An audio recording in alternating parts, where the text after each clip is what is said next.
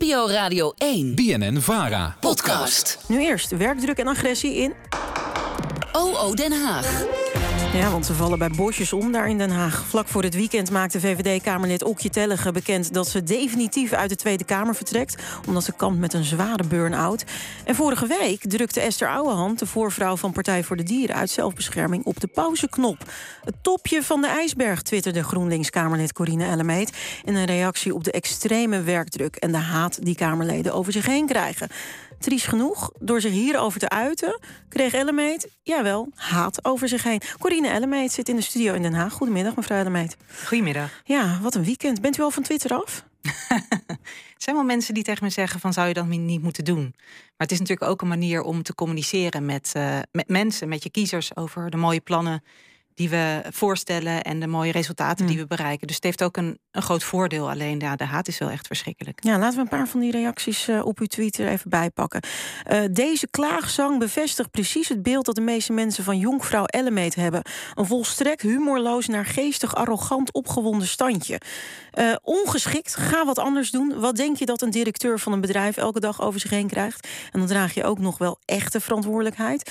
En deze, u klinkt verwend en een, uh, voor een volwassen mens slikt dit soort uh, van oprispingen in. Ja, dat is een greep. Dat zijn de milde of waren er nog ergere? Nou, ik moet je zeggen, ik heb ze niet allemaal bekeken, want uh, dat leer je ook wel. om, om echt die haat zoveel mogelijk te negeren, voor zover dat gaat. Nou, had u verwacht dat het zoveel zou oproepen? Nou, het, het, leeft wel echt heel erg breed. Misschien nog wel meer dan ik, uh, dan ik had verwacht. Het valt me ook op dat echt van alle politieke partijen, of het nou rechtse partijen zijn of linkse partijen, steun komt. En ook uh, berichten van ik herken helemaal wat je zegt en, en goed dat je je uitspreekt. En ook zelfs daarbuiten. Dus ik sprak een, uh, een ziekenhuisbestuurder die zich ook erin herkende. Die zei ja als ik mij uitspreek over zaken, dan krijg ik ook heel veel haat over me heen. Dus het leeft ook breder uh, bij andere uh, organisaties. Ja, want u stelde in uw tweet dat dit maar het topje van de ijsberg is, hè, wat we de afgelopen dagen hebben gezien. Wat zit daar dan onder?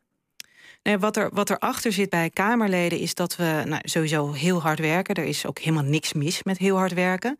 Alleen dat er wel uh, nou, weinig ondersteuning is. We hebben een, een, klein parlement vergeleken met hoeveel inwoners we hebben in Nederland. Dus we werken allemaal heel erg hard. Mm -hmm. En uh, nou, dat betekent ook dat je offers moet maken. Hè, dat je je gezin uh, bijna niet ziet door de week, noem maar wat. En dat je dan ook nog die haat over je heen krijgt. Bovenop dat hele harde werken. Ja, dat is soms gewoon echt de druppel. Ja, want wat, wacht even, want is het en-en of is het uh, het een versterkt het ander? Want is het vooral de werkdruk, het aantal uren dat Kamerleden werken en ze overspannen maakt? Of zijn het de haatreacties die Kamerleden overspannen maken? Ja, ik kan natuurlijk niet voor iedereen spreken, maar mijn indruk is wel dat het een combinatie is. Dus heel hard werken en dat je daar bovenop nog uh, ja, alle haat krijgt en, en ook wel echt bedreigingen. Dat, uh, ja, dat nekt mensen. Ja, en welke van de twee zou dan uh, uit moeten worden gezet? Nee, ik denk dat je aan allebei iets moet doen. Dus dat je bij allebei moet kijken van hoe kunnen we zorgen dat we die werkdruk wat verlichten en, en wat kunnen we doen aan die haat. En dat laatste is natuurlijk hartstikke moeilijk. Want ja, hoe doe je dat? Je kan wel wat dingen verzinnen hoor. Je, mm. Ik denk sowieso, daarom heb ik er ook voor gekozen om uit te spreken. Dat is natuurlijk best wel spannend. En je krijgt inderdaad vervolgens heel veel haat over je heen. Maar je ook kwetsbaar op durven stellen. Want we doen natuurlijk heel graag als Kamerleden dat we alles aankunnen. En dat het heel goed met ons gaat. Want ja, dat beeld wil je graag neerzetten. Maar ik hoor zoveel om me heen van collega's die slecht slapen, die fysieke klachten hebben. En nou ja, wat ik ook heb geschreven, ik heb daar zelf ook last van gehad. Dus we moeten denk ik niet doen alsof alles hier goed gaat. En eerlijk benoemen en uitspreken wat er gebeurt achter de schermen. Mm -hmm. en, uh, ja, en daar wat aan proberen te doen. Ja, u zegt u heeft daar persoonlijk ook wel eens last van gehad. Heeft u wel eens overwogen om te stoppen? Nou, ik heb wel, dat was van de zomer, ik, ik, ik heb heel lang last gehad van mijn rug en mijn nek. En de hele tijd slikte ik maar paracetamol. En dat deed ik gewoon maanden achter elkaar, want ik had geen tijd voor pijn. Toen dacht ik, nou, in de zomer drie weekjes vrij, komt allemaal wel goed. En na die drie weken uh, had ik eigenlijk nog meer pijn. Dus dat was wel een moment dat ik dacht, ja, dit gaat zo niet, uh, gaat zo niet verder. Hmm. En daar ben ik goed uitgekomen, ook door keuzes te maken en ook door dat intern te bespreken. En daar is gewoon hartstikke goed op gereageerd. Dus um, ja, je omgeving is belangrijk. Uh, uh, en uh, ja, we moeten denk ik wel ook kijken wat we aan het systeem nog meer kunnen veranderen. Nou, precies, want dan zegt u wat, er is hartstikke goed op gereageerd. Maar is er ook echt daadwerkelijk iets veranderd dan aan de werkdruk voor u?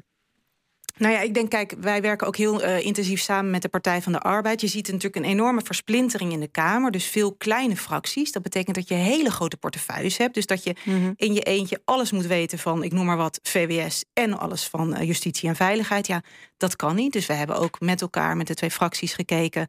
Kunnen we bijvoorbeeld de begroting een beetje verdelen? Dat zijn de grootste debatten van het jaar, de begrotingsbehandeling. Dus wij spreken namens de PvdA bij uh, Binnenlandse Zaken. En zij spreken weer namens ons bij justitie en veiligheid. Dus we proberen zelf wel te kijken wat we kunnen doen. Maar het gaat wel echt verder dan dat. En ik denk dat we ook ja, eigenlijk alle op opties op tafel moeten leggen. Dus moet ons parlement niet groter zijn? Moet er niet uh, meer ondersteuning komen? Wat betekent dat voor een kiestrempel? Dus mm -hmm. ik denk de taboes moeten weg en we moeten dit uh, ja, met elkaar bespreken. Van welke opties zijn er om iets aan die werkdruk te doen en wat kunnen we ook doen aan die haat?